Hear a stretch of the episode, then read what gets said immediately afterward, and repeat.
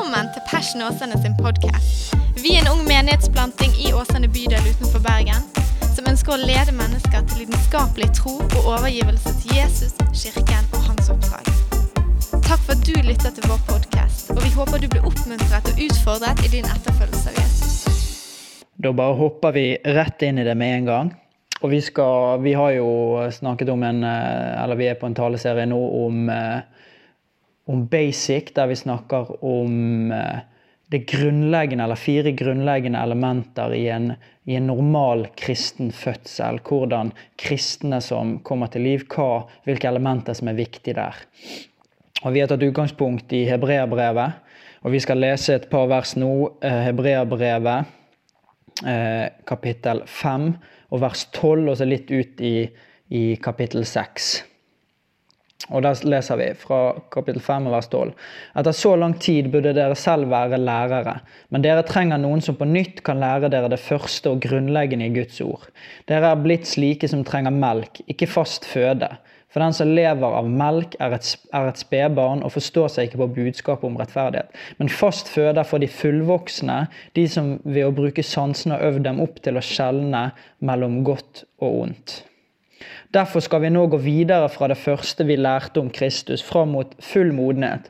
Vi vil ikke på nytt legge grunnvollen med omvendelse fra de døde gjerninger og tro på Gud, med undervisning om renselsesbad og håndspåleggelse om de dødes oppstandelse og om evig dom. Slik skal vi gå videre om Gud vil. Og Her kan vi se at eh, vi vil ikke på nytt legge grunnvollen med omvendelse fra de døde gjerninger, tro på Gud eh, renselsesbad og håndspåleggelse. Altså ånds, eh, vanndåp og åndsdåp. Og dette er de, altså de fire elementene som er grunnvollen som vi snakker om nå. Og eh, For en stund tilbake siden så snakket Daniel om, eh, om omvendelse. Der han snakket om, eh, om det å vende om. Og i det han sa, som, som jeg bet meg godt merke i, det var dette med omvendelse. At, at det har Eh, to betydninger i eh, Bibelen, eller det er to oversettelser. At I Gamle testamentet så brukes eh, det som ligger veldig nært til den norske oversettelsen av å omvende seg, altså vende om og snu seg. Mens i Det nye testamentet så det som blir brukt, er å fornye tanken og fornye sinnet, sinnet sitt. Og Daniel han sa det at hvordan fornyer man sinnet sitt? Jo, det er ved å høre sannheten. Og sånn som, det, som Johannes skriver i sitt evangelium, at dere skal høre sannheten, og sannheten skal sette dere fri. Og i dag når vi skal snakke om tro, så skal vi snakke en del om sannhet. Og eh, og, og jeg håper at uh, gjennom dette så kan, så kan, vårt sinn bli fornyet, og at vi kan få lov til å omvende tanken vår. At den eh, ved sannheten at den skal sette oss fri. Og når vi nå skal snakke om tro, eller tro på Gud, så, så sånn som det står i Johannes 1,12, så står det at de som trodde på han, de lot han få rett til å være Guds barn. At ved å tro på Gud, så blir vi Guds barn. Så Derfor kan vi si, si det sånn at viktigheten av tro ikke kan bli overvurdert. Så lenge man ikke tar vekk verdien av de andre tre elementene, altså omvendelse, vanndåp og åndsdåp. Så av disse fire elementene som vi snakker om nå, så er tro den mest grunnleggende. For man må jo nesten tenke det at i en omvendelse så finnes det også tro. For hvis man ikke har tro, hvorfor skal man da ville omvende seg? Hvis det ikke er noe man er overbevist om at bør være annerledes i livet, hvorfor skal man da ville omvende seg? På samme måte så er det spørsmålet som stilles i vanndåpen, det er om vi tror at Gud kan reise opp noe som er dødt, til liv at, han kan, at vi blir gravlagt eller korsfestet og gravlagt med Kristus, og så at Gud reiser oss opp igjen. Så tro på Guds kraft er, er, er vesentlig i vanndåpen. Så her er tro på Gud viktig. Og eh, åndsdåpen, så står det i Galaterne, så sier Paulus eh, Eh, at det ved tro Den hellige ånd blir tatt imot. Ikke eh, mot, ikke ved lovgjerninger, ikke ved å gjøre seg fortjent til det, men det at det ved tro Den hellige ånd blir gitt og blir tatt imot. Så Derfor kan vi si at tro har en sentral rolle i alle de andre elementene som vi har snakket om. da. Og den boken som vi har lagt til grunn for, eh, for denne taleserien, det er selvfølgelig Bibelen, men vi går òg ut ifra en bok som, eh, som eh, heter The Normal Christian Birth av David Pawson. Og jeg skal bruke litt tid på å gå gjennom og snakke om det som han sier om tro. Og eh, Så det blir kanskje det, det er litt undervisning mer enn forkynnelse, kanskje. Eh, og Den første vi skal snakke om, det er at tro er historisk. Og det er at tro er basert på fakta, ikke følelser. Og dette kan ikke gjentas ofte nok, eh, siden menneskers subjektive følelser og tanker opplevelser er utrolig sentralt i dagens samfunn. Og dette gjør til at, at veldig mange kan ha tro på tro sjøl. At det er, det er hengivenheten eller overgivelsen til det du tror, som er det som er viktig. At hvor mye du tror, er det som er avgjørende for om det er effektivt eller ikke. Men ikke det du tror på. At det ikke er de objektive sannhetene som er viktig, men denne subjektive troen og hengivenheten. Eh, og David Påsen sier det i boken sin at det er mange som tror at det er selve handlingen av å tro, ikke faktaene som du tror på, som gjør tro effektiv. Men jeg vil si at det er den objektive sannheten, ikke den subjektive hengivenheten, som er grunnlaget for tro. Den eneste frelsende troen er basert på faktiske hendelser som har skjedd. Det vi tror på, er historien om denne verden. Eh, og å tro det betyr å anerkjenne Guds valg om å frelse alle verdens nasjoner gjennom én nasjon. At, når mennesket, at det vi tror på, er at Gud skapte mennesket. Han skapte de til fellesskap med seg. Han skapte de for å være sammen med han i evighet. Men så sa Gud at det er én ting dere ikke skal gjøre. Det er å spise av det, det ene treet. Og mennesket valgte å spise av det, eller eh, med litt hjelp fra, fra den onde, så, så, valgte mennesket å spise av treet og gjøre imot Guds vilje, sånn at synd kom inn. Eller bare at mennesket ikke var god nok for Gud ved at de hadde gjort imot hans vilje. Og det kom inn et skille der der Gud ikke kunne være sammen med mennesker. For hadde han vært sammen med mennesker, da så ville mennesket dødd for synd, og Gud kan ikke eh, leve sammen. Derfor er det at ingen mennesker kan være sammen med Gud uten ved Jesus, for da pga. at synden ville rett og slett eh, ta livet av mennesket. Pga. Gud og synd ikke kan gå sammen, og synd vil alltid tape. Eh, så Gud han ville ikke at det skulle være sånn, han ville ikke ha dette skillet. Så han utvalgte seg et folk, utvalgte Abraham. Eh, og kalte han til å bli stamfar til en nasjon, Israel. Og når tidens fylde kom, så utsendte Gud sin sønn, født av en kvinne, født under loven, til å kjøpe fri de som var under loven. At, at Jesus kom for at den, sånn at hver den som tror på han ikke skal gå fortapt, men har evig liv. Og han fornedret seg sjøl kom i en tjenerskikkel. Han ble menneske og ble lydig til døden på korset for vår skyld. Og I, i andre kor 5.21 så står det at for han som ikke kjente til synd, ble gjort til synd for oss, for at vi skal få Guds rettferdighet i Han. At, at, Jesus kom for å kjøpe fri de som var under loven. Han kom for å fjerne dette skillet som var mellom, mellom menneske og Gud så tror vi at, at Gud oppreiste han, at han overvant døden, at han har kalt disipler og apostler, og at, eh, og at han har for, eller dro opp til himmelen igjen, at han sitter ved Guds høyre hånd, og at han eh, skal komme igjen og dømme levende og døde, og at eh, han har utøst sin ånd over sitt folk sånn at de skal utbre hans rike. Og dette er sannheten som vi tror på. Og dette må vi være bevisste at det bare er én objektiv sannhet, og den er Guds ord, og den er Jesus Kristus. Og dette er kjernen i troens historie. Det er Johannes 3, 16, at Gud har elsket verden så høyt at han ga sin sønn den ene for at hver den som tror på han, ikke skal gå fortapt, men har evig liv. Og objektiv sannhet, det er dette. Det er det vi tror på. Dette er rammene for den kristne tro. Det er de objektive sannhetene som vi kan som vi kan legge vår vekt på. Og jeg tror historisk, men vi kan ikke stoppe der. Jeg er nødt til å få et personlig uttrykk. Sånn, og Hvis vi bare legger vekt på det historiske, sånn oppramsingen av trosbekjennelse f.eks., så bommer vi litt på målet. siden tro er ment å være personlig og subjektiv. Og med tanke på det som jeg sa nå nettopp, så er subjektiv tro uten objektiv sannhet farlig. Altså det, eller det har ingen verdi å si at jeg tror på dette, men hvis det ikke er noe sannhet i det, så har ikke det noe å si. Da kan jo du tro på hva som helst, på, på at gulroten skal sette deg fri, liksom. Men det er ikke noe objektiv sannhet i det, så da gagner det deg ingenting. Mens objektiv sannhet, altså historien om denne verden, om, om det som vi nettopp har snakket om, at det uten subjektiv og personlig overbevisning og tro, da, altså går man glipp av mye av det som Gud har kalt oss til, og det som han har for oss. At vi, eh, det kan hindre oss fra å oppleve fylden av det Gud har tiltenkt våre liv. Og troen vil gjerne bli veldig på avstand.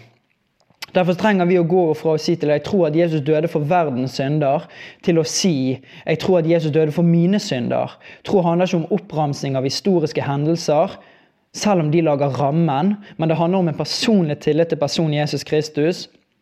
At vi ikke bare tror at Jesus døde, men på Jesus som døde og sto opp igjen for våre synder.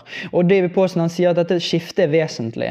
At troen får gå fra å være i tanken og det intellektuelle til viljen og veldig tett opp til det som Bibelen kaller hjertet. At vi velger å stole på Jesus.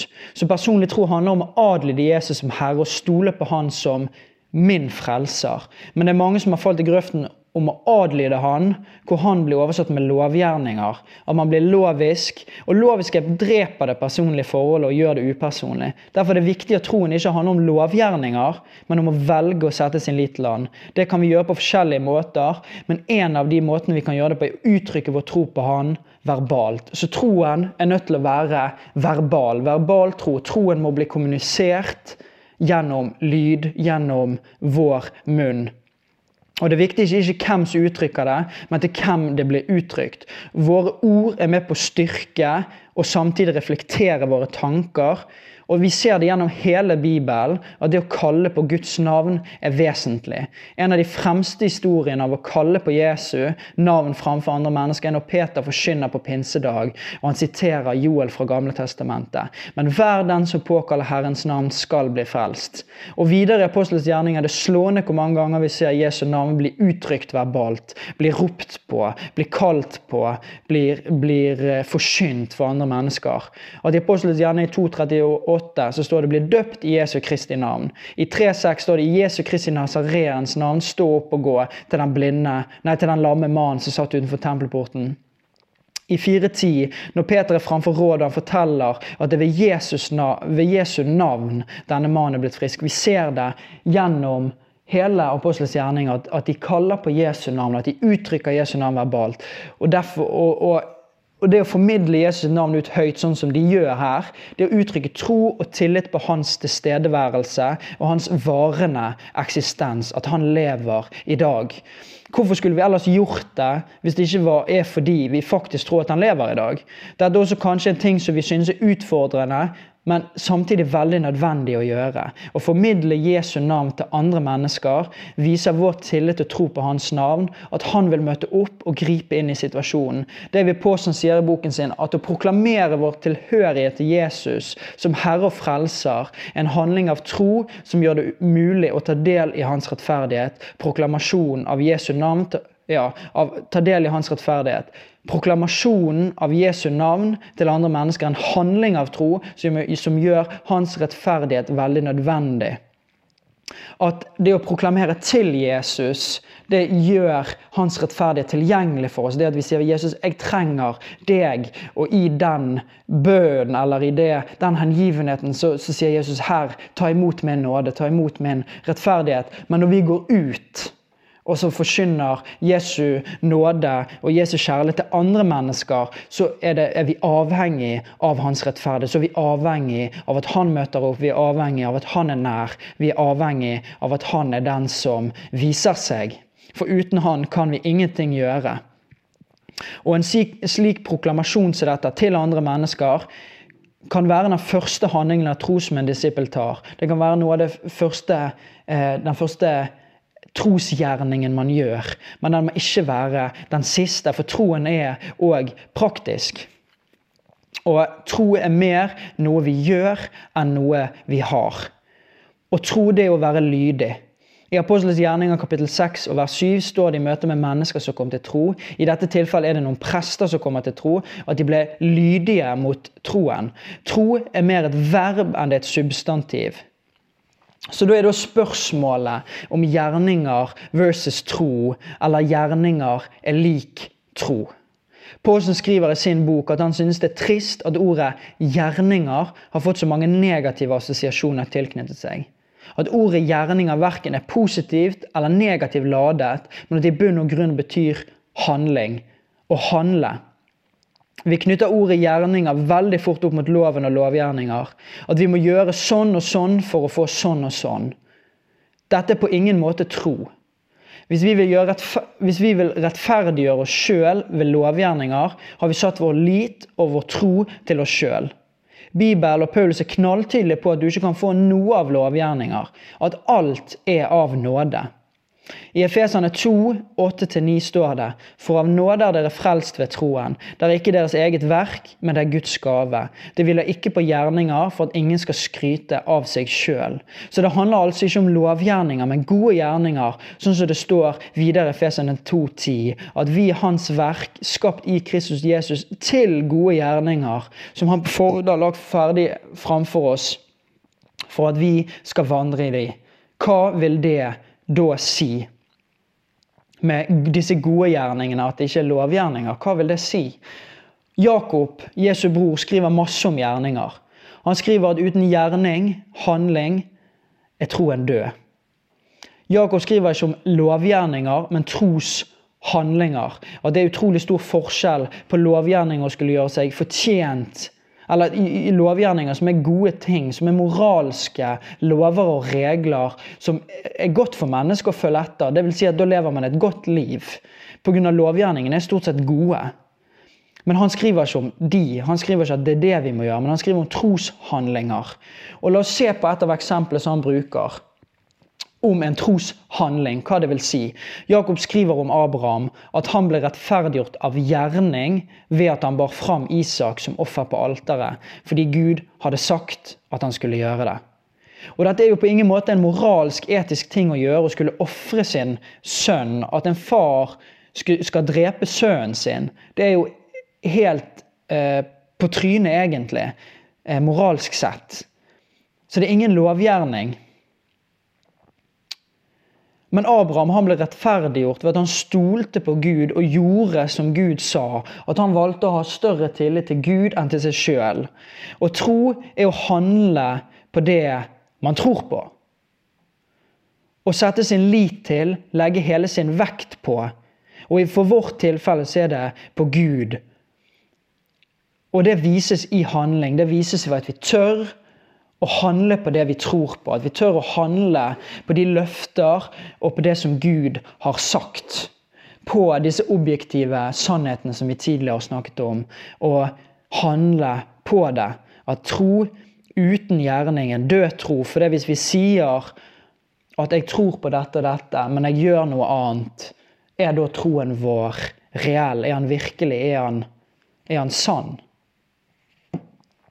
Det er spørsmålet. Uh, og I Hebreabrevet kapittel 11, som er det store kapittelet om tro, står det om våre trosforbilder. Der ramses det opp flere kjente historiske personer fra Bibelen, og hvordan alle ble rettferdiggjort av tro ved handling. Det står i alle tilfeller om hva de gjorde fordi de stolte på Gud. Det handlet ikke om hva de tenkte og følte, men hva de gjorde. Alle disse det står om levde et liv i tro. De begynte ikke med tro, eller det begynte ikke bare med tro, for det begynner med tro, men de levde i tro, og de avsluttet i tro. Og Dette fører oss inn i den siste delen av tro, som er kontinuerlig tro. At troen er varig. At den varer ved at det begynner i tro, du lever i tro, du avslutter i tro. Og tro, det er trofasthet. Og det samme ord, det ordet i Bibelen som blir brukt for tro, kan òg bli brukt for trofasthet, altså pistis. Og på samme måte som disse trosheltene fra Gamle Testamentet som beskrevet i Hebreabrevet, blir sagt ha holdt ut i sin tro, til tross for at ingen av dem fikk oppleve Guds løfter som blir oppfylt, men så avsluttet de altså i tro. At de trodde Gud på de løftene som han hadde gitt dem. At de, at de, lengtet etter det. At de lå hele sin vekt på at det skulle skje, at det skulle bli oppfylt. Men allikevel så fikk de ikke se det men de levde i det. I det spennet der de bare sier 'Gud, vi tro, stoler på deg. Vi tror det som du har sagt'. Og Paulus skriver i mange av sine brev om å tro at den er kontinuerlig. At livet som kristen starter i tro, men den avsluttes også i tro. Andre Tim 4,7, da sier Paulus det sånn. Jeg har stridd den gode strid. Jeg har fullført løpet, og jeg har bevart troen. Flere steder skriver òg Paulus om mennesker som ikke har bevart troen, men gått vekk ifra den, eller troen har forlist, som det står i 1. Tim 1,9. Derfor er det veldig tydelig at tro ikke bare er inngangsdøren til det kristne livet, men at det er ved troen at man lever det kristne livet. Og Implikasjonen av dette er at ekte tro er kontinuerlig tro eller trofasthet. At man står fast på de løfter som Gud har gitt, til tross for hva omstendighetene sier, eller hva man selv skulle føle. Ikke at dette handler om frelse, men mer om helliggjørelse og modenhet. For rettferdiggjørelse fra synd kommer i et øyeblikk av tro. Idet man gir livet sitt til Jesus, blir man, blir man, renset fra all synd og det som skiller oss fra Gud og hindrer oss i å gå inn i Hans rike. Men tro handler mye mer enn om bare frelse. Det handler òg om helliggjørelse, det å bli lik Jesus. Og det kommer av et liv som er levd i trofast tillit til Gud, hvor han får være herre i he hele livet, altså i hele livet, men òg på alle områder av livet. Så troen er kontinuerlig. Det begynner i tro, vi lever i tro, vi avslutter i tro. Og vi stoler på Gud hele livet og i hele livet. Og Helt til slutt vil jeg lese det som står i Hebreabrevet kapittel 11 og det første verset. Og Der står det tro er full tillit til det en håper på. Overbevisning om det en ikke ser. Og Kan ikke vi være de folkene de som virkelig legger sitt liv, hele sin vekt og tillit på Han. Med full tillit til Hans ord og den historie som er beskrevet. Med en lidenskapelig overgivelse til Han i personlig relasjon. Hvor vi proklamerer Hans navn og stoler på Hans tilstedeværelse. Slik at vi kan utbre Hans rike i gode gjerninger, som Han på forhånd har lagt ferdige for oss, for at vi skal vandre i dem. Og til slutt kunne se tilbake på våre liv og vite at vi har som Paulus kjempet den gode strid, fullført løpet og bevart troen. Amen. Takk for at du lyttet til Passion Åsane sin podkast. Hvis budskapet inspirerte deg, del det gjerne videre, slik at enda flere kan bli styrket av Guds ord. Gud har en plan for ditt liv. Følg Jesus lidenskapelig og bety en forskjell for mennesker i din verden.